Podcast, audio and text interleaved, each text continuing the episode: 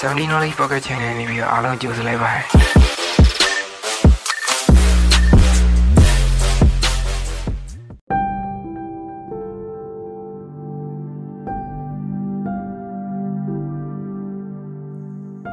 ယ်လိုအားလုံးပဲမင်္ဂလာပါ70 knowledge pocket channel နေပြီးတော့အားလုံးပြန်ပြီးတော့မှကြိုဆိုလိုက်ပါတယ်ကျွန်တော်နာမည်ကတော့ကိုရာလို့ခေါ်ပါတယ်။ဒီနေ့တော့အရင်တစ်ပတ်က podcast topic လေးဖြစ်တဲ့ဒီ unfamiliar thoughts အ ပိုင်းနှစ်ပေါ့နော်အပိုင်းနှစ်ပေါ့နော်မရင်းနှီးသောအတွင်းများအပိုင်းနှစ်ပေါ့ဗျာအဲ့အကြောင်းကျွန်တော်ဒီမပြောခင်ကျွန်တော် pocket channel လေးနဲ့ကျွန်တော်နည်းနည်း pocket channel အကြောင်းကျွန်တော်နည်းနည်းလေးပြောပြချင်ပါတယ်ကျွန်တော် podcast channel ကကြတော့ကျွန်တော်ဒီအပိုင်းပြီးသွားရင် season 1ပြီးပါပြီကျွန်တော် season တစ်ခုကိုဘယ်လိုခွဲထားလဲဆိုတော့အဲ season တစ်ခုမှာအပိုင်း12ပိုင်းပါမယ်တဒါစင်ပေါ့ဗျာအပိုင်း12ပိုင်းပါမယ်အဲနောက်တဲ့ season နောက်ဟို2မှာလည်းအပိုင်း12ပိုင်းပါမယ် season တစ်ခုကိုကျွန်တော်အပိုင်း12ပိုင်းထည့်ထားပါတယ် ဒီကျွန်တော်ဒီအပိုင်း season 1ဒီနေ့ပြီးသွားပြီဆိုတော့ season 2မှာဘာကြီးလုပ်ဖြစ်မလဲပေါ့ season 2မှာဆိုရင်ကျွန်တော်ဒီ podcast collaboration တွေစပြီးတော့လာပါမယ်ပေါ့နော်ပြီးကျွန်တော်ရဲ့ဒီ own podcast တွေလည်းပါမယ်ဒီ podcast collaboration တွေလည်းပါသွားမယ်ပေါ့နော်အဲ့တော့ကျွန်တော်ဒီ season 2မှာကျွန်တော်ဒီ audio book တွေလည်းလုပ်ဖြစ်သွားမယ်ဒီ own podcast တွေရဲ့ဒီ audio book တွေရဲ့ပြီးသွားရင်နောက်ထပ်ဒီအာ podcast collaboration တွေလည်းအများကြီးလုပ်ဖြစ်သွားမှာမယ် အဲကြောင့်မို့ဒီခုချိန်ဒီအားပေးလာတဲ့သူတယောက်ချင်းစီအတွန်းကိုလည်းကျွန်တော်အကျေးဇူးအများကြီးတင်ပါတယ်ကျွန်တော် podcast season 2မှာလည်းပြန်ပြီးတော့တွေ့ကြပါတယ်အားလုံးပဲကျေးဇူးများတင်ပါတယ်ပေါ့နော်ဒီတော့ကျွန်တော်ရဲ့ဒီဒီနေ့ရဲ့ main topic လေးဖြစ်တဲ့ဒီ unfamiliar thought part 2ပေါ့နော်မရင်းနှီးသောအသွေးများပိုင်းနှစ်ကိုကျွန်တော်စလိုက်အောင်ပေါ့နော်အရင်တစ်ပတ်တုန်းကဗမာပြီးသွားလဲဆိုတော့ဒီ nihilism မှာဖြစ်တော့ပြီးသွားရပေါ့နော် nihilism ပြောတဲ့အကြောင်းအရာမှာကျွန်တော် ပြီးသွားပါ nihilism နဲ့မိတ်ဆက်ပြီးတော့အမှကျွန်တော်အချိန်မလောက်လို့ဆိုပြီးပြီးသွားတယ်အဲ့တော့ nihilism အကြောင်းမစားခင်ကျွန်တော်ဗာပြောခဲ့လဲဆိုတော့ဒီအယောင်တွေအကြောင်းကျွန်တော်ပြောခဲ့ဗျာကျွန်တော်မျက်လုံးထဲမှာတွေ့ရဲ့အနီရောင်နဲ့ခမည်းမျက်လုံးထဲမှာတွေ့ရဲ့အနီရောင်ဟာတူကောင်းတူနိုင်လို့တူကောင်းလည်းမတူနိုင်ဘာဖြစ်လို့လဲဆိုတော့ကျွန်တော်တေချာမသိနိုင်ဘူးဘာဖြစ်လို့လဲဆိုတော့ခမည်းစိတ်ကိုလည်းကျွန်တော်မသိနိုင်လို့ကျွန်တော်စိတ်ကိုလည်းခမည်းသိချင်မှသိမယ်အဲကြောင့်မို့ကျွန်တော်တို့ရဲ့ဒီယုံကြည်မှုတွေမယုံကြည်မှုတွေကကျွန်တော်တို့ရဲ့စိတ် နေထားပုံမှာအများကြီးမူတည်နေရအောင်ကျွန်တော်တို့သိလာရတယ်အဲ့တော့ဟို nihilist တွေဖြစ်လာတဲ့အကြောင်းရင်းဒီအများကြီးထဲမှာပထမဆုံးတစ်ချက်ကဘာလဲဆိုတော့သူများတွေမယုံကြည်တော့ဘူးဗျာမယုံကြည်ပဲတော့ဘဲနဲ့ဘသူ့ကိုတွားပြီးတော့ယုံကြည်သွားလဲဆိုကိုကိုကိုတွားပြီးယုံကြည်သွားတယ်ကိုကိုကိုမှရှိရဲ့ဒီစွမ်းရည်ယုံကြည်လာတယ်ပြီးသွားရင် who i am ပေါ့ဗျာတမန်ကိုကဘသူဘယ်လိုလူသားမျိုးလဲကိုရဲ့ true set ကိုရှာဖွေတွေ့ရှိသွားတဲ့လူအများစု nihilism တွေဖြစ်လာကြတယ် သူတို့မှာဟို religion တွေလည်းမရှိဘူးရ maybe ဟိုကလို့ခေါ်မဲ့ကိုယ်ရဲ့ယုံကြည်မှုလည်းမရှိဘူးသူတို့မှာဒီဘာမှအယူအဆွဲကြီးလည်းမရှိဘူးတရားပေါ်ပေါ်ပါပါပဲဒီတိုင်းပေါ်ကိုရိုးရိုးရှင်းရှင်းဖြစ်တဲ့နေရာတွေတူတွေအများတယ်ဒီ nihilist တွေထဲမှာမှကျွန်တော်အာဘယ်လိုခေါ်မလဲဘာမှမယုံကြည်တဲ့သူတွေထဲမှာမှတော့အုပ်စုနှစ်စုပွဲဝါကြတယ်ဗျာအဲပထမတစ်စုကကြတော့လူမိုက်တွေများသွားတယ်လူမိုက်တွေကကြတော့ဘယ်လိုခေါ်မလဲလုံးဝအဲကျွန်တော်တို့ဟိုရုပ်ရှင်တကားကြည့်ရင်တည်ဘူးမှာပါတဲ့ ဘယ်လိုခေါ်မလဲကျွန်တော်တို့ဒီပညာရှိရဲ့လူတွေကဗျာသူတို့ divel ဖြစ်လာပြီသူတို့ demon ဖြစ်လာပြီဆိုရင်ပညာမရှိတဲ့သူတွေမိုက်တာတွေပညာမရှိတဲ့သူတွေအာဒီတာမန်လူတွေပေါ့ဗျာသူတို့မိုက်တာတွေပို့ပြီးမိုက်တယ်ပို့ပြီးဆိုးတယ်သူတို့နောက်နောက်ဆုံးသူတို့က evil တကောင် demon တကောင်လောက်ထိကိုမှဆိုးသွားဆိုးသွန်းသွားတဲ့အထိကိုဖြစ်သွားတယ်ပေါ့ဗျာသူတို့ကလည်းအုံနောက်လည်းရှိရယ်ဒီကောင်မှာပစ္စံတွေလည်းရှိရယ်အဲကြောင့်စကားနာမည်တော့တရားမှတ်မမိတော့လို့ကျွန်တော်မပြောတော့ဘူးပေါ့နော် ဒါနဲ့အဲမှတ်မြင်ကျွန်တော်အာ comment မှာဖြစ် description မှာဖြစ်ကျွန်တော်ချပေးထားမှာပဲပေါ့နော်အဲ့တော့တော့ဟိုတကားလေးဆက်ဆက်ရမယ်ဆိုရင်ဒီပညာရှိရဲ့ပုံကိုယ်ပညာရှိရဲ့လူတွေအုံနောက်ကြီးရဲ့လူတွေအဲ့လိုမျိုးသူတို့တွေကဒီမွန်တွေ evil တွေဖြစ်သွားမယ်ဆိုရင်တော်တော်လေးကြောက်ဖို့ကောင်းတယ်ပြီးတော့တော်တော်လေးကိုလည်းဒီကဘာမီတွေလုံးဝအဆိုးဆုံး side effect တွေဖြစ်လာနိုင်တယ်ပေါ့ဗျာဘာဖြစ်လို့ကျွန်တော်အဲ့အဲ့ဒါကိုပြောရလဲဆိုတော့လုံးဝ nihilist တွေထဲမှာမှ အစွမ်းကုန်တည်ရဗျာအဲ့ကောင်တွေမေးလိုက်အကုန်လုံးအကုန်အလုံးစုံတည်ရဗျာဒါပေမဲ့သူတို့ရဲ့အာဓာတ်စိုက်တွေကပုံများနေသူတို့ကမကောင်းတဲ့စိတ်တွေကပုံများနေတဲ့အတွက်ကြောင့်သူတို့ကဒီကဘာမြေကြီးတွေလုံးဝ toxic တွေဖြစ်လာတယ်လုံးဝအမိုက်တွေဖြစ်လာတယ်ပေါ့ဗျာအဲ့တော့အဲ့ထဲမှာမှကျွန်တော်အကောင်းတဲ့လူတွေရှိတယ်လို့ nihilist တွေထဲမှာမှစိုးရလူတွေလည်းရှိရယ်ဘာမှမမြင်ကြည့်ရွယ်သူတို့အများစုကဘာလဲဆိုသူတို့အများစုကဒီ အဲ concept တစ်ခုချင်းစီတစ်ခုချင်းစီဟိုမှာလုံးဝဆောင်းဝမ်းနေကျွမ်းနေဆောင်းဝမ်းနေတိနေလုံးဝခီးတွေပေါ့ဗျာဆရာကြီးတွေဒါပေမဲ့အဲ့ကောင်တွေသွားဆရာသွားလို့လို့မရဘူးအဲ့ကောင်တွေဆရာလုတ်လိုက်ကြွိုင်ပြီပဲအာကျွန်တော်အဲ့ဥပမာတစ်ခုနဲ့ပေးရမယ်ဆိုဘုံကြီးသေးရဲလို့မျိုးဗျာဒီလားဘုရားစာကြီးမေးအကုန်သိရဗျာဒီလားပြီးတော့ရင်ဘုံကြီးသေးရဲလို့မျိုးဗျာအကောင်မေးလိုက်အကုန်သိရဒါပေမဲ့အဲ့ကြကျင့်တဲ့တိုင်းကြည့်ကြမှာကြည့်မှာဗျာသူတို့ရဲ့ဒီ true set နဲ့ဗျာသူတို့ရဲ့ခံယူချက်တွေနဲ့ရှောက်လုပ်နေကြတဲ့လူတွေကများတယ်ဗျာဒီတော့ကျွန်တော် အပေါ်ယံကြည့်ယုံနေမရတော့ဘူးပေါ့နော်အဲ့ဒါမှကျွန်တော်တော့အတွင်းပိုင်းအနက်ပိုင်းလုံးကအသားကြီးအပြားအောက်ထိပါတော့တော့ကနည်းနည်းနည်းကြည့်မှရတော့မယ်ကျွန်တော်တို့ရဲ့အတွေးကျွန်တော်တို့ရဲ့စိတ်တွေကိုဟိုကအသားကြီးပြားအောက်ထိထိပါကျွန်တော်တို့တေချာလေးလာပြီးတော့တွေးကြည့်မှပေးရမယ်ပေါ့နော်အဲ့တော့ကျွန်တော်တို့ဒီနီလစင်ကနေပြီးတော့နည်းနည်းခွဲထွက်ခြင်းတယ်ပေါ့နော်အဲ့နီလစင်အကြောင်းနေပြောပြပြီးပြီဆိုနည်းနည်းလေးခွဲထွက်ခြင်းတယ်အဲ့ဒါဘာလဲဆိုကျွန်တော်တို့ရဲ့စိတ်အကြောင်းပဲ စိတ်အကြောင်းမှာကျွန်တော်နည်းနည်းလေးအဲထူးဆန်းတဲ့အကြောင်းအလေးတစ်ခုနဲ့စပြီးတော့ပြောပြခြင်းတယ်အဲ့ဒါဘာလဲဆိုတော့ကျွန်တော်တို့ဒီ imported stone ဆိုတာအကြောင်းပါမှာ import importality ဗျာတင်မလားလုံးဝအာကျွန်တော် gain တွေပါလဲရှိမယ်ဗျာ imported imported ဒီ item ကိုတုံးပြီးွားရင်လုံးဝအသက်နှစ်ခါပြန်ရှင်းလာတော့ပါလို့ဆိုကျွန်တော် gain တွေပါရင်မှာ data တွေပါရင်မှာဆိုလဲတွေ့ပြီးမှာပါအဲ့တော့အဲ့ဒီ imported stone ဆိုတာကျွန်တော်လက်တွေ့ပေါ်မှာတကယ်ရှိတယ်အ မြန်မာလိုအခေါ်ပေါ်လေးရှိတယ်အဲ့ imported stone ဆိုတာကြောက်ဖြစ်တဲ့နီကြောက်လို့ခေါ်တယ်အနီအောင်လေးဟိုဒီ Google မှာတွားပြီးရှာကြည့်လို့လေရဖြစ်တဲ့နီကြောက်အဲ့ဟာကြောက်အိန္ဒိယနိုင်ငံဟိမဝနတောင်တန်းနေမှာကျွန်တော်တွေ့ရတတ်တယ်ဒီ imported stone ပေါ့နော်အဲ့တော့ကျွန်တော်ဒီ imported stone ကကျွန်တော်ရှားလဲခက်တယ်လို့ပြီးရင်တွေ့ရတဲ့လူကလည်းအဲ့တော့ဘယ်လိုသုံးအောင်မသိရများတယ်ဒီတော့ imposter stone ဆိုတာကျွန်တော်အသက်ကို တည်ပြီးတော့ပြန်ရှင်စီရမဟုတ်ဘူးတကယ်လက်တွေ့ပေါ်မှာသူကကြောင့်အသက်ကိုရှေးကြီးဆွဲဆန်ထားစီတာဗျာဒီ importer stone ကိုပိုင်ထားတဲ့ဘဲတပွေအကြောင်းကျွန်တော်ပြောပြမယ်အဲ့ဒါကြတော့ဒီဒနိုင်လာပါလားကျွန်တော်သိချာတော့မသိဘူးဒါပေမဲ့အဲကျွန်တော် research တွေရတော့အိပ်ဘဲတကယ်ရှိရလို့တော့ကြားတယ်ဒါပေမဲ့အဲ့ကြောင့်အိပ်ဘဲအကြောင်းကျွန်တော်နည်းနည်းလေးပြောပြခြင်းတယ်ပေါ့နော်အိပ်ဘဲကကြတော့မဟာဗုဒ္ဓပပကြီးပေါ့နော်ကျွန်တော် episode 1မှာလည်းကျွန်တော်ပြောဘူးမှာပါမဟာဗုဒ္ဓပပကြီးဆိုရပဲအိပ်ဘဲကဘာလဲဆိုတော့အိပ်ဘဲက importer ပဲကြီးဗျာလုံးဝအသက်ရှည်ဗျာအိပ်ဘဲကဘယ်လောက်ဒီတက်ရှည်လဲဆိုရင် လွန်ခဲ့တဲ့နှစ်ပေါင်းတန်းချီလောက်ထိအာနေပြီးလွန်ခဲ့တဲ့နှစ်ပေါင်းတန်းလောက်ကနေပြီးတော့ခုခေတ်ဒီအသက်ရှည်ရဲဆိုပြီးအသက်ရှင်နေဆိုပြီးတော့ကျွန်တော်တို့ဒီဘယ်လိုခေါ်မလဲ documentary သမားတွေပြီးတော့ဒီ research လုပ်ရတဲ့ဒီသမားတွေကဟိုရှာဝေတွေ့ကြည့်ရအာသူတို့တွေကဗျာတင်မလားဒီဟိမဝနတောင်တန်းတစ်လျှောက်ကိုသူတို့ကဒီကင်မရာနဲ့ထောင်နေဒါပေမဲ့အာအဲ့လိုမျိုးဟိုလုံးဝ adventure အဖွဲ့တွေဆိုတာလဲရှားတယ်ဗျာတင်မလားလုံးဝအာနိုင်ငံ နိုင်ငံကနေပြီးရပစ္စံတွေပိုင်းနဲ့မှာကျွန်တော် documentary ပိုင်းတေချာသွားလုပ်လို့ရတယ်ဒါပေမဲ့အဲ့ Swedish ကတိတ်ပံမြန်ရှင်အဖွဲ့ကအမှဟိမဝနတောင်ထဲမှာသွားပြီးတော့အိမ်မဟာဘူရာဘာဘာကြီးရှိလားမရှိလားဆိုပြီးကင်မရာထောင်ပြီးတော့လုံးဝချိန်ပြီးတော့ဖမ်းကြရဗျာအဲ့မှာကျွန်တော်ဘာတွေ့ရလဲဆိုတော့အဲ့ဖေကအဲလိုက်ကမောက်ဗျာတလားယတိပုံစံကြီးနေဗျာယတိပုံစံကြီးနဲ့ဖြတ်သွားဖြစ်လာလောက်ကြတယ်ဒါပေမဲ့သူ့ကိုလုံးဝဖမ်းမိဖို့ဆိုတာမလွယ်ဘူးဗျာတင်မလားအဲ့တော့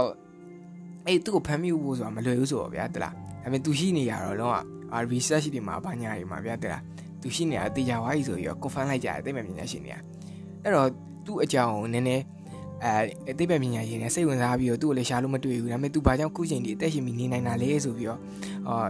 စူဇန်လေးလာရှာဖွေကြရတဲ့အချိန်မှာသူအဲ့ဂျဒနီကြောက်ကိုဒီဟိမဝင်တာတောင်တန်းတစ်လျှောက်မှာတွေ့ရတယ်ဟိမဝင်တာတောင်တန်းတစ်လျှောက်မှာကျွန်တော်အဲဒီ ရှားရှားပါပါပေါ့နော်ဗီဒီနီကြောက်တွေတွေ့ရတယ်အဲ့ဒါဘယ်လိုမျိုးတွေ့ရလဲဆိုတော့ကျွန်တော်တို့ဒီခုခေတ်မှာဆိုရင်ဗျာနီလာနဲ့စင်မယ်ထင်တယ်ကျွန်တော်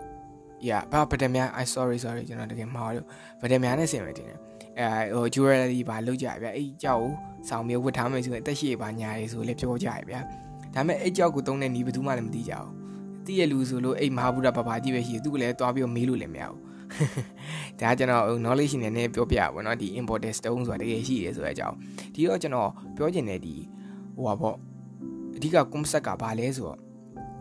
ကျွန်တော်တို့ရဲ့မတိတိုင်နဲ့ကျွန်တော်မရင်းနှီးသေးရဲ့အတွေးဆိုတာအများကြီးရှိနိုင်တယ်ဗျာဥပမာကျွန်တော်ခုနကတော့ပြောခဲ့မဟာဗုဒ္ဓဘာဘာကြီးဆိုရင်သူ imported stone ကိုသုံးတဲ့နီးတိခဲ့တယ်ဗျာတလားတိခဲ့ပြီးတော့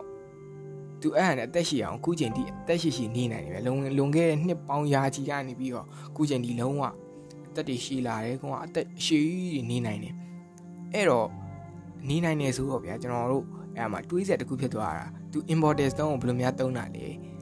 ရပြီးတော့နောက်ထပ်တွေးစရာစဉ်းစားစရာဆိုတော့ तू က mark ဗျာ तू ကဟောပေါ့ယတိဆိုတော့ तू ကတရားကြီးပါထိုင်တယ်စိတ်ရဲ့ကျင့်စဉ်ကိုလုံးဝစွမ်းအားထက်တဲ့စွမ်းအားမြင့်မြတ်အာစွမ်းစွမ်းအားထက်အောင်လုပ်နေတဲ့ဘေးဆိုတော့အိဘေးကဒီကြောက်တုံးရဲ့သုံးဆွဲပုံသုံးဆွဲနည်းကိုလည်း तू အမျိုးမျိုးအမျိုးမျိုးဒီစိတ်ရဲ့ကျင့်စဉ်နဲ့ကျွန်တော် လုံးဝသုံးဆွဲကြည့်မှာပဲနောက်ဆုံးတော့ကျွန်တော် तू ဖော်ထုတ်နိုင်ရင် तू သုံးဆွဲနိုင်တယ် तू သူ့မှာ like a magic ပေါ့ဗျာတဲ့မှာမှော်ပညာရေးပါရသွားမလားဘာရအောင်မသိဘူးရအဲ့တော့မို့အဲ့ကြောင့်မို့သူကအသက်ရှင်နေတာနဲ့ခုချိန်ဒီလည်းအသက်ရှင်နေတော့မယ်ဒါပေမဲ့သူဘယ်ဘယ်မှာရှိရဲဘယ်ဝါမှာရှိရဲဆိုဘယ်သူမှလည်းမရှာတွေ့မရှာဝင်နိုင်တယ်လို့သူ့ကိုလည်းဘယ်သူမှလည်းရှာမတွေ့နိုင်ခဲ့ဘူးပေါ့ဗျာဒါတော့ကျွန်တော်ရဲ့ဒီမဟာဗုဒ္ဓဘာဘာကြီးဇလန်းပေါ့အဲ့တော့ကျွန်တော်တို့ရဲ့ဒီ mentality ကျွန်တော်တို့ရဲ့စိတ်တွေကကျွန်တော်တို့ရဲ့ ဟို creation တွေပေါ့နော်အများကြီးဖန်တီးနိုင်လို့ကျွန်တော်တို့ရဲ့အတွေးအများကြီးကိုလည်းပြောင်းပြနိုင်တဲ့ထဲမှာအများကြီးပါတယ်ပြီးတော့ကျွန်တော်ခုနကတော့မဟာဗုဒ္ဓဘာဘာကြီးဆိုတဲ့အကြောင်းကျွန်တော်ဘာကြောင့်ပြောပြလိုက်တာလဲဆိုတော့ကျွန်တော်တို့လူသားတွေကပေါ့နော်အတွေးအစ်ကိုအရန်ကြိုက်ကြတယ်တလားအတွေးအစ်ကိုအရန်ကြိုက်ကြတယ်စိတ်ကူးအစ်ကိုအရန်ကြိုက်ကြတယ်အတိအဆန်းတွေကိုအရန်လူကျင်ကြဗျာဥပမာခင်ဗျာကဘာစစ်ဘယ်တော့ဖြစ်လဲဆိုရင်ခင်ဗျာကိုမိမယ်ဆို1914လောက်ကို ခင်ဗျာမကေလို့မသိဘူးရကျွန်တော်1914လောက်က19ကဒီအနှောင်းပိုင်းလောက်ကစဖြစ်တယ်ဆိုရင်ခင်ဗျာသိသွားပြီဆိုရင်ရခင်ဗျာအုံနောက်ထဲမှာဗျာ memory တစ်ခုမှတ်မှတ်မိသွားပြီဗျာအဲ့တော့ခင်ဗျာရဲ့စိတ်ထဲဒီ dopamine တွေထွက်တယ်ဗျာ dopamine ဆိုတော့ကျွန်တော်တို့ပျော်စေရဲ့ဟော်မုန်းတွေဗျာကိုကိုကိုယုံကြည်မှုရှိရဲ့ဟော်မုန်းတွေထွက်လာဗျာအဲကြောင့်မို့ကျွန်တော်တို့ရဲ့လူတွေကဗျာအဲဒီအတွေးတစ်တစ်အမြင်တစ်တစ်ရပြီဆိုအရန်ပျော်ကြတယ်ပျော်ကြကိုကိုယုံကြည်မှုပိုရှိလာလို့တကယ်လို့အဲ့ဒီအတွေးတစ်တစ်အမြင်တစ်တွေက အဲလက်တွေ့ရမှာတကယ်လို့အတုံးမဝင်ဘူးဆိုပေမဲ့ကိုယ့်ရဲ့အတွင်းပိုင်းမှာပြောတော့အာဒိုပါမင်းထွက်ပြီးတော့အေးပျော်နေတာဟာအဆင်ပြေတယ်အဲ့မဆိုးရတယ်လားအဓိကကြတော့ကျွန်တော်ခုနကတော့အဲနီလစ်စင်အကြောင်းနဲ့ထပ်ပြီးတော့ဆက်ဆက်ရမယ်ဆိုရင်အဲဘာလို့ဖြစ်သွားလဲဆိုတော့ကိုကဘယ်သူမှမယုံသူများစိတ်ကိုလည်းကိုမသိနိုင်ဘူးမသိနိုင်တဲ့အတွက်ကြောင့်အဲသူများရဲ့အကြောင်းကိုကိုမသိနိုင်အောင်အဓိကသိနိုင်တာကိုအကြောင်းပဲကိုသိနိုင်နေဗျာအဲကြောင့်မကိုရဲ့အတွင်းတန်ထဲမှာကိုကပျော်နေပြီဆိုရပြီးပြီလေရ everything just fine ပေါ့နော်လုံးဝအဆင်ပြေသွားပြီအဲ့တော့ကျွန်တော်နည်းနည်းပြောပြချင်တာပေါ့ပြီးတော့ကျွန်တော်တို့ဒီအဲနောက်တဲ့မင်းကြီးရဲ့အသွေးတစ်ခုနဲ့ထပ်ပြီးတော့မိတ်ဆက်ပေးရမယ်ဆို wave တွေအကြောင်းပေါ့ဟော wave တွေဆိုတာလှိုင်းနေပေါ့ဗျာကျွန်တော်တို့ရဲ့ဒီပစ္စည်းတော်တော်များများပေါ့နော်ပစ္စည်းတော်တော်အားလုံးတိုင်းလူလူက wave တွေနဲ့ဖန်တီးထားရဗျာဥပမာကျွန်တော်တို့ရဲ့ဒီဖုန်းတွေ smartphone တွေဆိုလဲကျွန်တော် wave တွေရှိတယ်သူတို့ wave တွေကိုလက်ခံတဲ့ ဟို absorber တွေဗျာလုံးဝလက်ခံနေကောင်းနေဗျာဥပမာကျွန်တော်ဖုန်း line တွေဆိုလဲကျွန်တော် line မိနေအဲသူတို့ကျွန်တော်မမြင်နိုင်တဲ့ wave တွေရှိတယ်ကျွန်တော်မမြင်နိုင်တဲ့ wave တွေကျွန်တော်ဖုန်းထဲကိုရောက်သွားတယ်ရောက်သွားပြီးတော့ကျွန်တော်ဖုန်း line နဲ့မိနေဖုန်းတွေတယောက်နဲ့တယောက်နဲ့ connect ဖြစ်တယ်ပေါ့နော်အဲ့တော့ငေါလက်တွေ့ဘဝမှာဆိုရင်ဒီ wifi line တို့ကျွန်တော်မမြင်နိုင်တဲ့ wave တွေအများကြီးပဲအများကြီးဆိုမှအများကြီးပဲဥပမာကျွန်တော်တို့ wave တွေထဲမှာကျွန်တော်ဒီ အာရှင်းရှင်းလင်းလင်းလုံးဝမမြင်နိုင်တဲ့ wave ရှိတဲ့ wave ဆိုရင်ကျွန်တော်ဘာရှိမလဲဆို UV ဗျာတဲ့မလား UV ကန်းလုံးရောင်ကြီးငါမမြင်နိုင်ဘူးလေဟုတ်တယ်နော်အဲဟိုရှိရဆိုတော့တည်တယ်ဒါပေမဲ့ကျွန်တော်မမြင်နိုင်ဘူးနောက်နောက်တော့ X-ray ဗျာကျွန်တော် ultrasound တွေ ultrasound တွေဆိုတာလေဟိုအာဟိုဓာတ်ရောင်ကြီးတွေဆိုတာကျွန်တော်ရှိရမှန်းတည်တယ်ဒါပေမဲ့ကျွန်တော်တို့မျက်လုံးနဲ့မမြင်အောင်ကျွန်တော်တို့အကန့်အသတ်ထဲမှာနေနေရတဲ့အတွက်ကြောင့်ကျွန်တော်အဲ့အလင်းရောင်တွေဘာညာတွေကျွန်တော်မမြင်အောင်ကျွန်တော်အကန့်အသတ်ထဲရပဲ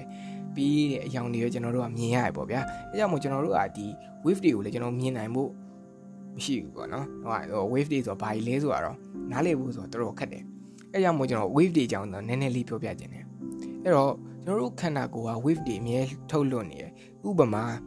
ကျွန်တော်တို့ရဲ့အုံနှောက်ကဗျာလုံးဝ emotion နဲ့ဆုံးဖြတ်လိုက်တဲ့ခံစားချက်တွေဆိုရင်ကျွန်တော်တို့ခန္ဓာကိုယ်က wave တွေထွက်လာဥပမာ ကိုရှိကိုကိုဗျာရုပ်တရက်ပါချလိုက်တယ်ဗျာဟုတ်လားကိုရုပ်တရက်ပါချပလိုက်တယ်ဆိုရင်ကျွန်တော်ခန္ဓာကိုယ်ကဒေါသထွက်တဲ့ wave တွေအဲကျွန်တော်ခန္ဓာကိုယ်ပတ်ပတ်လည်မှာလုံးဝစူညံပေါ်လို့ရိုက်ပြီးတော့အဲ့လိုမျိုး wave တွေထွက်လာကျွန်တော်တို့ဒီအဲ temperature ဟိုကြီးတဲ့ဒီဟိုဟာနဲ့ဆိုကျွန်တော်တွေ့နိုင်တွေ့နိုင်လိမ့်မယ်ဗျာကိုယ့်ရဲ့ပတ်ဝန်းကျင်မှာနှီးနေရတို့ပါလို့လေသိမလားအဲ့လိုမျိုး wave တွေကထွက်လာတဲ့ခါကျတော့ကျွန်တော်တို့ဒီအဲ့ wave တွေအမျိုးမျိုးရှိရဗျာကိုယ်ခန္ဓာကိုယ်ကနေပြီးထုတ်လွှတ်လိုက်တဲ့ wave တွေကဟိုတယောက်နဲ့တယောက်မတူဘူးဗျာ အဲ့ wave တွေကကျွန်တော်တို့ဒီ the law attraction မှာကျွန်တော်ဖတ်ဖတ်မိတဲ့လောက်ဆိုရင်ဘယ်လိုမျိုးလဲဆိုအဲ့ wave တွေကကျွန်တော်တို့ရဲ့ဒီတခုတည်းဖြစ်တည်လာပါတယ်ဆိုတဲ့ဒီစကြဝဠာရဲ့အဆုံးသွားကြရဲ့တဲ့အဲကျွန်တော်ကျွန်တော်ပြောမှာမဟုတ်ဒီ the law attraction ကကျွန်တော်ပြောတာပေါ့နော်ဒီ Sam Ronaban ရဲ့ the secret sauce ကပြောတယ်အဲ့မှာကျွန်တော်တို့ရဲ့ wave တွေဟိုဒီစကြဝဠာအဆုံးထိသွားပြီးတော့ညောင်းရှိပြန်ရောက်လာတယ်အဲ့ကျွန်တော်တို့ရဲ့ဟိုစက္ကန့်ပိုင်းတွင်းမှာပဲเนาะစက္ကန့်ရဲ့ဒီဘယ်လိုခေါ်မလဲလုံးဝအစိတ်ပိုင်းလေးဗျာလုံးဝမီလီ ဘယ်လိုခေါ်မလဲလုံးဝအစိတ်ပိုင်းတီးတီးလေးထဲမှာဥမာအဲ့ wave တွေကလုံးဝချက်ချင်းလာတယ်ချက်ချင်းသွားချက်ချင်းပြန်လာတယ်ကိုထုတ်လို့လိုက်တဲ့ဥပမာကိုကဒေါသထွက်ပြီးဆိုရယ် wave ကိုထုတ်လို့လိုက်ပြီးဆိုရင်အေးပြန်လာတဲ့ wave တွေကကျွန်တော်တို့အုံနောက်ထဲကိုပြန်လာတဲ့ wave တွေကကျွန်တော်တို့ဒေါသရည်နဲ့ပြန်ပြီးတော့ရောက်ကြည့်လာခဲ့တယ်ပေါ့နော်ဥပမာဥပမာအဲ့ရောက်ရှိလာတဲ့အထက်မှာကျွန်တော်မမြင်နိုင်တဲ့ကျွန်တော်တို့စက္ကန့်ပိုင်းတိတိလေးထဲမှာကျွန်တော်ဆုံးဖြတ်မှုတွေဆောင်းဝမ်းတော်တော်လေးကိုမြင်တယ်တော်တော်လေးကိုမြင်တယ်ဥပမာကျွန်တော်ခုချင်းချင်းပါချလိုက်တယ် wave တွေရောက်လာတယ် ပြီး auto brain ကထိန်းချုပ်လိုက်တယ်ကိုကောင်ပါပြင်ချလိုက်တယ်အဲအဲ့လိုမျိုးပေါ့ဗျာကျွန်တော်မမြင်နိုင်တဲ့ second ပိုင်း milli second ပိုင်းလေးအတွင်းကိုကျွန်တော်တို့ရဲ့ဒီ wave တွေကထိန်းချုပ်သွားတာများရပေါ့နော်ဥပမာကျွန်တော် wave တွေကိုကျွန်တော်ထိန်းချုပ်လို့ရတယ်ဆိုတာတည်သွားတဲ့အခါကျရင်ကျွန်တော်တို့ဒီ the law attraction ကိုကျွန်တော်နားလည်လာပြီပေါ့နော်ဥပမာနည်းနည်းလေးနားလည်စာပြုလာပြီပေါ့ဥပမာကျွန်တော်ဒီ the law attraction နဲ့ပတ်သက်တဲ့ဥပမာလေးတစ်ခုနည်းနည်းပြောပြခြင်းတယ်ပေါ့နော်ဒီ1980ပြည့်နှစ်လောက်တုန်းကပေါ့ကျွန်တော်တို့ဒီ အိုလံပစ်အားကစားမှာကျွန်တော်နီးစနစ်တစ်ခုပြုလုပ်ခဲ့ရမှာနော်အာဒီ virtual model rehearsal ဆိုရဲဒီပုံရိပ်ပိုင်းဆိုင်ဗျာကျွန်တော်ကြော်သားလှုပ်ရှားမှုပုံစံလေ့ကျင့်ရေးတစ်ခုလုပ်ခဲ့ရဗျာအဲ့မှာလှုပ်အဲ့မှာတစ်ခုလှုပ်ကြရင်လည်းဘယ်လိုမျိုးလုပ်လဲဆိုတော့ဒီအိုလံပစ်အားကစားပွဲဆိုအားကစားလေ့ကျင့်ရတယ်ဗျာအဲ့မှာကျွန်တော်တို့ထူးဆန်းစွာနေပဲကျွန်တော်တို့ရဲ့ဒီ wave တွေလေ့ကျင့်တဲ့လေ့ကျင့်ခန်းဖြစ်တဲ့သူတို့စိတ်နဲ့ပဲအားစားလုပ်ခိုင်းတာဥပမာပြေးတယ်ဆိုရင်အဲ့ကောင်ပြေးတယ်ဆိုရင်စိတ်ထဲမှာပြေးနေခိုင်းတာဗျာတလားဥပမာ back minion ရိုက်တယ်ဆိုရင်စက်တောင်ရိုက်တယ်ဆိုရင် ဟိုစိတ်ထဲမှာစက်တောင်ရိုက်ခိုင်းနေတာဗျာတလားစိတ်ထဲမှာဘယ်လုံးကစက်တောင်ရိုက်ခိုင်းနေပြီးတော့အဲ့ဒီခုနကတော့စမ်းသပ်မှုကလည်းအဲ့ခုနကတော့1980လောက်ပိုင်းမှာကျတော့ဒီ ID နီးပညာတို့ဒီဟို artificial intelligence တွေဗျာအဲ့ဒါတိတ်ပြီးတော့မထူးဘယ်လိုခေါ်မလဲလုံးဝမဖွင့်ပြသေးရောဗျာအဲ့ခေတ်တော့ဟာတေချာတော့မသိခဲ့ကြဘူးဒါပေမဲ့ခုခေတ်ပေါ့နော်ဒီဟို ID နီးပညာခေတ်ကိုရောက်လာရဲ့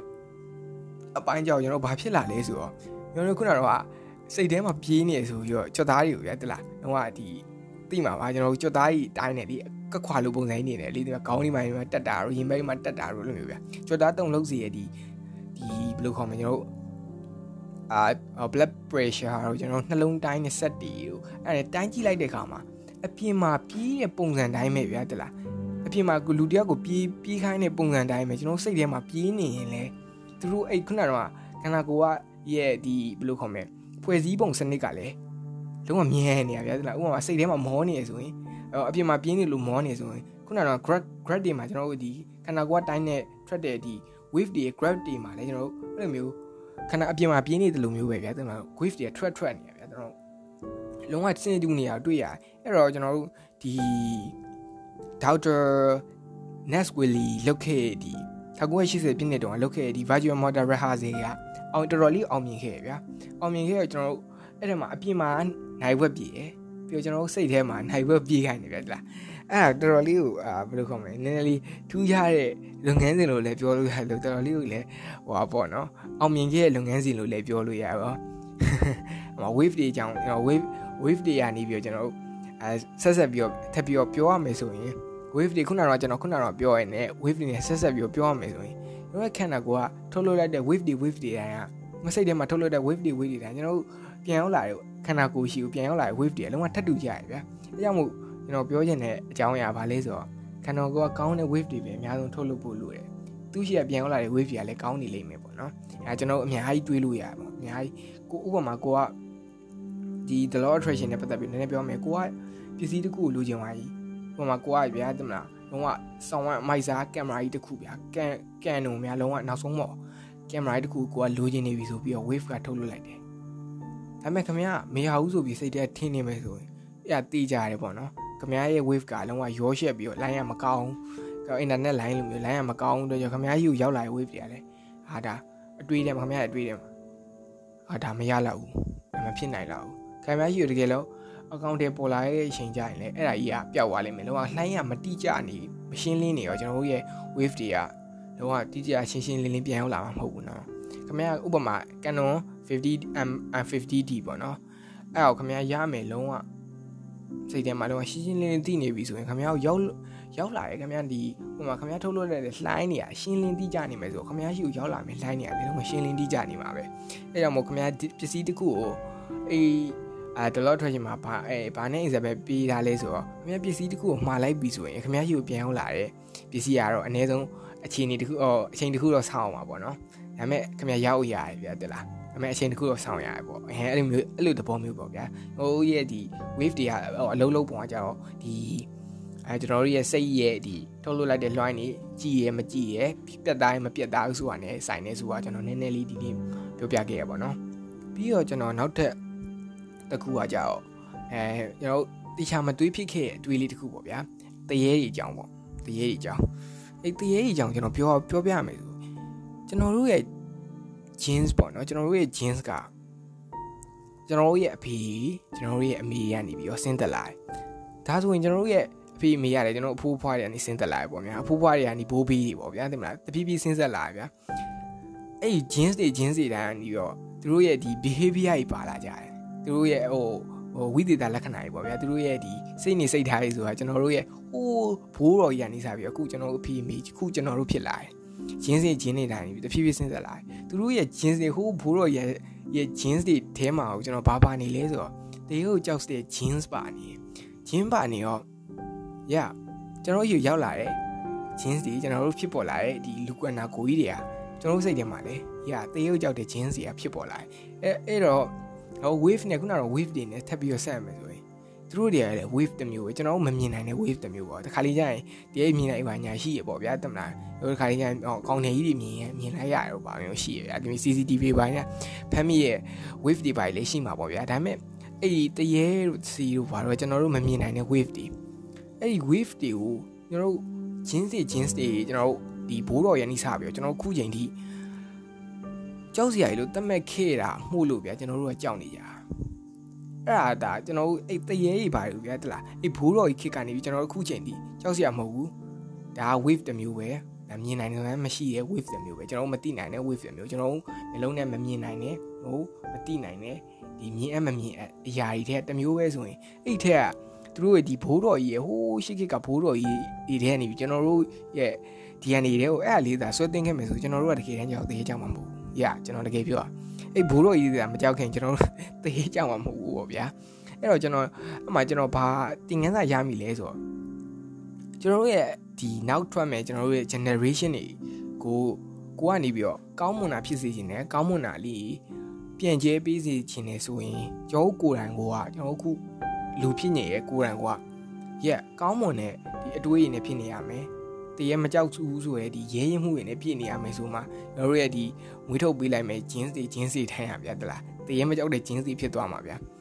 အဲ့တော့အာမဖြစ်ဘူးလည်းမပြောမပြောနိုင်ဗျာတဲ့မှာဖြစ်ဖြစ်ကောင်းဖြစ်လာနိုင်နေပေါ့ကျွန်တော်ဂျင်းစီဂျင်းစီကဖြစ်လာနိုင်အဲမူရင်းအစားပေါ့ဗျာကျွန်တော်ရဲ့မူရင်းစားတခြားဒီပတ်ဝန်းကျင်ရိုက်ခတ်မှုတန်ဒီဘာညာကြီးရောက်လဲပါကောင်းပါနေအဲကျွန်တော်ဒီဒီဟိုအကြောင်းအရာတစ်ခုလုံးရဲ့မူရင်းအစားပေါ့ဗျာ ဥပမာကျွန်တော်တို့လူရည်လို့ဖြစ်လာပြီဆိုရင်ကျွန်တော်တို့အရင်ဆုံးအဖေနဲ့မေရှိကကျင်းစရလိုက်တယ်သူတို့ရဲ့အတွေးခေါ်သူတို့ရဲ့ကြံញံသူတို့ရဲ့အာဘာညာပေါ့ဗျာတမန်သူတို့ရဲ့ဒီတီးစိတ်တွေမတီးစိတ်တွေ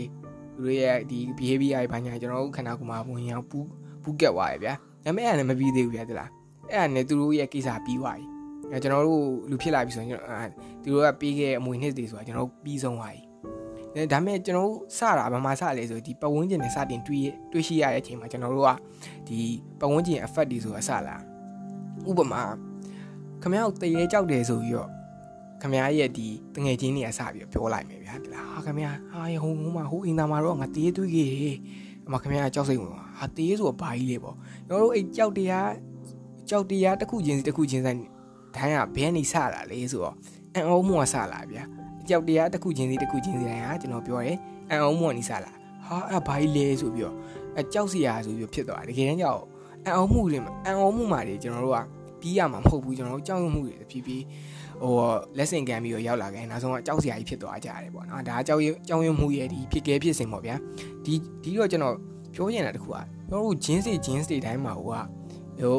တရေကြောက်တဲ့အဲဂျင်းစီကပါလာပြီးပြီဆိုတော့ဟိုပတ်ဝန်းကျင် effect ကြီးကလုံးဝ ပတ်ဝန်းကျင်လှိုင်းနေရဗျာကျွန်တော်တို့ရဲ့ဒီဘယ်လိုခေါ်မလဲ society ကထုတ်လွှင့်လိုက်တဲ့လှိုင်းတွေကကျွန်တော်တို့တကူတဲ့ကျွန်တော်တကောင်နဲ့တရေမကြောက်လို့လည်းမရဘူးသူတို့ရဲ့လှိုင်းတွေကပိုကြီးရပိုများတဲ့အတွက်ကြောင့်ကျွန်တော်အုံနောက်တွေကိုအဲ့ပတ်ဝန်းကျင်ရဲ့လှိုင်းတွေရိုက်ရိုက်ခက်လာတဲ့အတွက်ကြောင့်မြင်သေးကြောက်ကြောက်မဲဆိုတဲ့ဒီကျွန်တော်တို့မမြင်ရတဲ့ line တွေကျွန်တော်တို့ပြောနေရတယ်တူတူဖြစ်တဲ့အတွက်ကြောင့်ကျွန်တော်တို့ကတရေတွေတဖြည်းဖြည်းကြောက်လာကြတယ်ခုရာစုနှစ်တွေကြာလာတဲ့အတွက်ကြောင့်တရေတွေတဖြည်းဖြည်း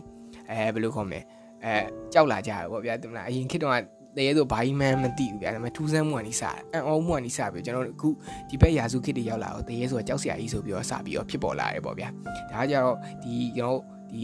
ghost တွေဘာတွေကိုဗျာတရေတွေဘာတွေကျွန်တော်တို့အယူဆလွဲနေအဓိကအတွေးလေးပေါ့ဗျာကျွန်တော်တို့စိတ်ကခံယူမှုတွေကျွန်တော်တို့စိတ်ကဒီခံစားမှုတွေပေါ့ဗျာဒီကျွန်တော်ခုခုကျွန်တော်ပြောပြသွားတဲ့အကြောင်းကတရေကြီးအကြောင်းပေါ့ဒီနောက်ထပ်ပြောပြမယ့်အကြောင်းလေးရှိသေးတယ်အဲ့ဒါဘာဘာအကြောင်းကလဲဆိုတာ ဒီ universe ရဲ့ဒီစက်ကြောက်တာနဲ့ဆိုင်တဲ့အကြောင်းလေးတစ်ခုပေါ့ဗျာအဲကျွန်တော်ရဲ့ဒီအဲကြားဘူးလဲကြားဘူးကကြားဘူးကြမှာပါ nothing forever ပေါ့နော်ဘေးရမှမတည်မြဲကြအောင်ဟုတ်တယ်ဗျအဲ့ဒီအဲ့ဒါကျွန်တော်ဘာကြောင့်ဒီအာဒီမထူးဆန်းသောအတွေးများဆိုတဲ့ထဲမှာကျွန်တော်ဒီအကြောင်းလေးကိုကျွန်တော်ထည့်ရလဲဆိုတော့ nothing forever ပေါ့ကျွန်တော်ဘယ်ရမှမတည်မြဲဘူးမတည်မြဲဘူးဆိုရင်ကျွန်တော်ရဲ့ခုတွေးနိုင်တဲ့စိတ်ကြီးလဲရတည်မြဲမှာမဟုတ်ဘူးကျွန်တော်ခု နေနေတဲ့ကဘာမြေကြီးဆိုလဲတည်မြဲမှာမဟုတ်ဘူးကျွန်တော်ခုနေနေတဲ့စက်ကြဝဠာကြီးဆိုလဲရဟိုစက်ကြဝဠာဒီပောက်ကွဲမှုတွေဘာညာကြီးဖြစ်ပြီးတော့ကျွန်တော်ပျက်စီးသွားမှာပဲလုံးဝဟို disappear disappear ပေါ့နော်လုံးဝပျောက်ကွယ်သွားမှာပဲပေါ့နော် disappear ဖြစ်သွားမှာပဲဆိုတော့ကျွန်တော်တို့ကဘေးရမှမတည်မြဲကြဘူးဒီတော့ကျွန်တော်တို့မတည်မြဲခြင်းတရားတွေနဲ့တိဆောက်ထားတဲ့ဒီအာ society ကျွန်တော်တို့ဒီကဘာကြီးစကြဝဠာကြီး multiverse တွေ ဒီဘာလဲဘယ်လိုခေါ်မလဲ black hole တွေကျွန်တော်တို့ဒီအာစကားဆက်မိရရှိရဒီ neutron star တွေဘာညာကြီးပေါ့ဗျာအဲ့ဒီအားလုံးကတကယ်ကြောင့်မတည်မြဲခြင်းတရားတွေနဲ့အားလုံးဖွဲ့စည်းခဲ့ရဗျာအဲ့တော့ကျွန်တော်တို့အမှဘာဒီဟိုထူးဆန်းတော့တွေးလေးဖြစ်မိလဲဆိုတော့ဒီကငါတို့ကမတည်မြဲဘူးပေါ့နော်ဒါပေမဲ့မတည်မြဲအခြေအနေမတည်မြဲတဲ့အဖြစ်ပြက်ကြီးတစ်ခုမှအောင်မှာကျွန်တော်တို့ရဲ့ကဘာကြီးပေါ်မှာနေနေတော့ဒီစကြဝဠာကြီးပေါ်မှာနေနေတော့ ငါတို့လူပါငါတို့လူသားမျိုးနွယ်စုကအသက်ရှင်လာခဲ့တယ်ငါတို့လူသားမျိုးနွယ်စုကလုံးဝတက်တည်ကြီးမြင့်လာခဲ့တယ်ငါတို့နေနိုင်ခဲ့တယ်ဆိုတာလေးကိုအလုံးမှတ်ကြောက်တင်ထားခဲ့ကြရပြီနော်ဟိုခြံခဲ့ထားကြရပေါ့ဗျာတင်မလားအဲ့တော့လူတွေကတစင်စင်လက်စင်ကမ်းကြရဲကမ်းကြရဲကမ်းကြရဲနဲ့လုံးဝဒီစပီးကမဖြစ်တဲ့အရာတွေကလုံးဝမဖြစ်တော့ဘူးဒီစပီးကဖြစ်တဲ့အရာတွေကဖြစ်သွားတယ်ဥပမာကျွန်တော်တို့ဒီအာဒီ Albert Newton ပေါ့နော် Albert Einstein oh sorry ဘာလဲ Newton ပေါ့ဗျာ sorry Albert Newton နဲ့ပေါင်းလိုက် okay Newton ရဲ့ဒီအုတ်ကူမှာဒီဘာရေးထားလဲဆိုတော့ငါမသိသေးဘူးတဲ့။ညာငါမသိသေးရဲ့အပိုင်းဟာရှိသေးရဲ့။အာဒါခုရှိနေရဲ့အပိုင်းငါသိရဲ့အပိုင်းငါမသိသေးရဲ့အပိုင်းဟာရှိသေးရဲ့ဆိုပြီးတော့သူရေးထားတယ်။အဲ့တော့အဲ့ဘာကိုဒိဗေရလဲဆိုတော့သူရဲ့ဒီ နျူတန်ထွင်ရဲ့ဒီ law တွေစာငယ်တော့ကြက်ခဲ့ရတဲ့ဒီ physics theory တွေဘာညာတွေပေါ့ဗျာဒီမလားကျွန်တော်တို့ဒီ theory ဘာကြီးကကျွန်တော်နျူတန်ကြောင့်ဖွဲ့စည်းဖြစ်ပေါ်လာဒါပေမဲ့ခုချိန်ထိကျွန်တော်တို့ဒီဖြည့်ရှင်းချက်ရှိရဲ့အရာအရာတိုင်းမှာဟိုအဓိက main concept ကဘာလဲဆိုတော့ကျွန်တော်တို့သင်္ချာနဲ့တက်တည်ပြလို့ရတယ်ဖြည့်ရှင်းချက်ရှိရဲ့အရာကြီးဒါကြောင့်ကျွန်တော်တို့ main concept နဲ့တက်တည်ပြလို့ရတယ်။အော်သင်္ချာသင်္ချာရဲ့ဒီဒီစနစ်တွေနဲ့ကျွန်တော်တို့တက်တည်ပြလို့ရတယ်။ဥပမာကျွန်တော်တို့ ဒီဆေးတစ်ခုခုဆေးဝါးတစ်ခုခုထွင်မယ်ပေါ့ဗျာဆေးဝါးတစ်ခုခုထွင်မယ်ဆိုရင်သူ့ရဲ့အဓိက main concept ကဘာလဲဆိုတော့တင်ချာနီးနဲ့တွက်ယူရတင်ချာနီးမှာအဖြေထွက်ပြီဆိုရင်ရအဲဆေးထုတ်လိုက်ရင်မသိဘူးတောက်လို့ပျောက်တယ်ဟာအဲ့လိုမျိုးပေါ့ဗျာတင်မလားအဓိကဖြည့်ရှင်းချက်ဖြည့်ရှင်းချက်ဖြည့်ရှင်းချက်ဒီတိုင်းမှာဟိုမှာလုံးဝအဓိက concept လုံးဝအဓိကကြရဲ့အကြောင်းအရာအများကြီးတဲ့တစ်ခုဆိုရင် အများကြီးတဲ့တစ်ခုပြောရအောင်ကျွန်တော်အဓိကအကြောင်းအရာလို့မပြောဘူးအများကြီးတဲ့တစ်ခုဆိုရင်တင်ချာလို့ပြောလို့ရတယ်တင်ချာမှာထွက်တဲ့ theory လုံးဝအဖြေတိကျထွက်တယ်လုံးဝမှန်တယ်ဆိုရင်ရအဲ့ကောင်ကမသိဘူးလုံးဝ AC ကပျောက်တယ်ဆိုတာလုံးဝ confirm လုပ်ကြရတယ်လုံးဝဒီ confirm လုပ်တာအပြင်ပေါ့နော်လုံးဝဟိုပါပေါ့ရတက်တည်ပြရဲဒီ Elizabeth ဒီဥပမာကြီးဆိုတာလည်းအများကြီးရှိရဲ့အတွက်ကြောင့်ကျွန်တော်တို့ဒီတင်ချာနီးကလုံးဝမှန်တယ်ကမ္ဘာပေါ်မှာလုံးဝ uses ဖြစ်တဲ့အကြောင်းအရာတစ်ခုပေါ့ဗျာ ဒီဒီတော့ကျွန်တော်အဲ့တင်ချာနီးနဲ့ပတ်သက်ပြီးတော့ထပ်ပြီးတော့ကျွန်တော်ခုနကပြောခဲ့တဲ့ universal truth အကြောင်းနဲ့ဆက်ပြီးတော့ပြောရမယ်ပြောပြရမယ်ဆိုရင် nothing forever ပေါ့နော်ဘာမှမတည်မြဲဘူးတင်ချာသဘောတရားမှလည်းအဲ့လိုပဲဗျာတလားထွက်လာတဲ့အဖြေကတကယ်တမ်းကျတော့အဲ့အဖြေနဲ့မတည်မြဲခဲ့ဘူးဗျာတလားအဲ့အဖြေနဲ့အေးမနေဘူးဗျာတလားလုံးဝအခွဲခွဲလေးဗျာကျွန်တော်တင်ညာကြောင်းတော့တိတ်တော့မတည်ဒါပေမဲ့ကျွန်တော် theory ရလေးလာမယ်ဆိုလုံးဝဒီနီးနဲ့တွက်လို့ရလို့နောက်တဲ့နီးနဲ့တွက်လို့ရတယ်အဲ့အဖြေရအောင် ညတနည်းနဲ့တွက်လို့ရတယ်တင်ညာပု္ပ္ပာဆိုမရှိဘူးဗျာတလားအဲ့ကြောင့်မို့ကျွန်တော်တို့အမှဘာအတိပ္ပယ်တက်ရောက်သွားလဲဆိုတော့ nothing forever ဆို yes right တင်ညာနီးနဲ့တက်တည်ပြလို့ရတယ်လုံးဝမှန်တယ်လို့ပြောလို့ရတယ်ဘာမှဘယ်ဟာမှဘာမှမတည်မြဲဘူးပေါ့ဗျာဒီတော့ကျွန်တော်ဒီထူးဆန်းတဲ့အတွေးလေးအများချပြခဲ့တယ်အများပြောပြခဲ့တယ်ပေါ့နော်ဒီတော့ကျွန်တော်အဲဒီ pocket လေးကိုမဆုံးသက်ခင်ကျွန်တော်ဘာနဲ့အဲ အဆုံးသက်ခြင်းလဲဆိုကျွန်တော်တို့ဒီနောက်ဆုံးပြောပြခြင်းတဲ့အကြောင်းအရာလေးတစ်ခုရှိရဲ့အဲဂျိုသားကြီးအကြောင်းပေါ့ဂျိုသားကြီးအကြောင်းနဲ့ပြောပြပြီးကျွန်တော်ဒီနေ့အဆုံးသက်ခြင်းတယ် yeah ကျွန်တော်ဂျိုသားတွေတွေ့ဘူးကြမှာပါဟုတ်က UFO ဘာရော and flying ဗာလဲ UFO ကဗာလဲ UFO ရဲ့အရှိကတော့ကျွန်တော်မေ့နေပြီ unknown flying object လားမသိဘူး yeah အာဟုတ်တယ်ဟုတ်တယ် unknown flying object ဆိုပြီးတော့ UFO တွေပါညာတွေကိုဗျာသမလားအာဂျူသားကြီးပါညာကြီးဗျာအရင်ဆုံးကျွန်တော်တို့ကအေးခုနကတော့ကျွန်တော်ရှေ့မှာပြောခဲ့လိုမျိုးပဲ UFO တွေပါကြီးဂျူသားကြီးပါကြီးကျွန်တော်အန်အောင်မှုရဲ့စားရဟာကောင်းကင်မှာဘာကြီးလဲငါတို့မသိဘူးအရာကြီးပဲဆိုပြီးတော့ထူးဆန်းမှုတွေနဲ့အရင်ဆုံးစကြရစကြပြီကျွန်တော်ဒီ UFO တွေဒီကျွန်တော်တို့ဒီအာအဖြေရှာမထုတ်နိုင်ရဲ့ဒီ Bermuda Triangle အများကြီးရှိမှာပဲဒီအာဟိုဒီ paradox တွေရှိမယ်ပြီးတော့ရင်ဒီဒီဘဟီနီပေါ့ကဘာကျော်ဘဟီနီဆိုတာလည်းအများကြီးမှအများကြီးပဲဗျာသိမလား။ဟိုမဖြေရှင်းနိုင်တဲ့အရာတွေအများစုကရေရောက်ဘဲနေဆလာလဲဆိုတော့ခုနကတော့ကျွန်တော်ပြောခဲ့သလိုမျိုးပဲလုံးဝ အန်အောကြီးကနေဆလာတယ်။ညာအန်အောမှုကနေဆလာအန်အောမှုကနေဆပြီးတော့ဟာဒါဘာကြောင့်ဖြစ်တာလဲဆိုပြီးတော့လူတွေကတခုကောင်းတာတခုရှိတယ်အဲ့ဒါဘာလဲဆိုတော့အဲ့ဟိုမသိမချင်းသူတို့ကလိုက်ပြီးစုံစမ်းနေတော့ပဲဗျာတိလား အဘာကြီးမှမသိမချင်းဗျာတဲ့အဲ့စူပန်စူဇန်လေးလာရှာပွဲသူတွေလည်းရှိသလိုလုံးက scientist တွေ philosopher ရဲ့ psychologist အာ psychologist တွေလည်းအများကြီးရှိလာခဲ့အဲ့ကြောင့်မို့ကဘာကြီးကတဖြည်းဖြည်းတုတ်တက်ပြောင်းလဲလာပါဗျာအဲ့ကြောင့်မို့ကျွန်တော်ပြောချင်တာတခုကကြောက်ဒီဂျူသားတွေအကြောင်းလည်းဒီ specially ယူပြီးလေ့လာရဲ့ဒီပုံကိုကြီးတွေရှိရဗျာတဲ့လားဥပမာကျွန်တော်အဲ area area 51အကြောင်းနေပါရင်ဟာတွေကိုအာတည့်ရလူတော့ရှိမှာပါအဲ့ထဲမှာဗျာဒီ အာ area 51ကနေလွတ်လာတဲ့ဒီသိပ္ပံပညာရှင်တယောက်ကပြောဘူးတယ်အဲ့ဘာလဲဆိုတော့ဒီပေါက်ကြားဝတဲ့ဒီသူတို့ရဲ့ဖုံးကွယ်ထားတဲ့ပေါက်ကြားဝတဲ့လှုပ်ဝက်ချက်တခုပေါ့ဗျာအဲ့ဘာလဲဆိုတော့တကယ်တမ်းကျတော့လေလူတွေကထင်နေရတာတဲ့နတ်နတ်တွေပြမကြီးလူတွေကိုကိုွယ်ကြီးနတ်ပုံနတ်နန်းတွေရှိရဆိုတာတကယ်တမ်းကျတော့တဲ့ဘယ်နေစလာလဲဆိုတော့တဲ့အီလီယန်တွေဖြစ်တဲ့ဂျိုသားတွေဆလာတဲ့ yeah အဲ့ဒါကိုကျွန်တော်ဆက်ဆက်ပြီးတော့ကျွန်တော်ဒီမာရီမနီဘန်တမိုင်းကြောင်ဆက်ပြီးတော့နောက်လှန်ပြီးတော့ကြည့်လိုက်ရအောင်ဥပမာကျွန်တော် Egypt ကိုပဲရှုလိုက်ဗျာ Egypt မှာရှုလိုက်မယ်ဆိုရင်ကျွန်တော်ရဲ့ဒီဘယ်လိုခေါ်မလဲအဲဂျင်းနန်ပုံပုံစံလေးဗျာတဲ့မှာသူတို့ဘာသာစကားလို့ပဲပြောရမလားသူတို့ရဲ့ဒီလက်ကွက်တွေလို့ပဲပြောမလားပုံစံလေးနဲ့ပုံဖော်ရမှာဗျာကျွန်တော်ဂျိုဆိုင်နဲ့လုံးဝအဲရင်းနှီးခဲ့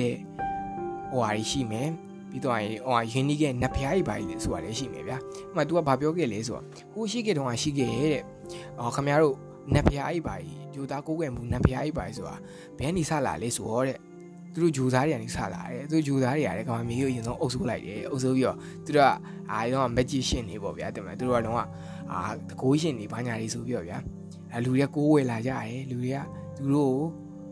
အဲသူတို့နတ်ဖျားအဖြစ်လုံးဝဝါကော့ပေါ့နော်ငါတို့တက် ညံကြည့်ရယ်ငါတို့တက်လုံနိုင်နေဆိုပြီးတော့ဒီ Egypt မှာရှိရဒီဂျိုသားတွေอ่ะဗျာတလားလူတွေကိုလုံးဝလွှမ်းမိုးပြီးလူတွေအာအာအဲ့ဘေးကအများကြီးလုံနိုင်တာပဲဆိုပြီး Egypt နဲ့ဖျားကြီးအများဆိုတကယ်ကြောက် alien တွေဂျိုသားတွေကြီးပဲဗျာတလားအဲ့တော့လူတွေကအာ net တွေပါညာကြီးပြောကြတယ်ပြီးတော့အရင်ခင်းတော့ကျွန်တော်တို့ကြားဦးမှာပါကျွန်တော်တို့ Bodash မှာဆိုလည်းရှိပါဒီစက်ကြအရင်မြန်ကြီးဆိုပြီးတော့ပြောကြရလေအဲ့ဒီစက်ကြအရင်မြန်ကြီးဆိုတာလေတကယ်တမ်းကြတော့ညသူအဲ့ခေတ်တုန်းကအဲ့ခေတ်တုန်းကဂျူသားတွေရဲ့ဒီ UFO ကြီးလည်းဖြစ်လာဖြစ်ကောင်းဖြစ်နိုင်တာပဲဗျာတိလား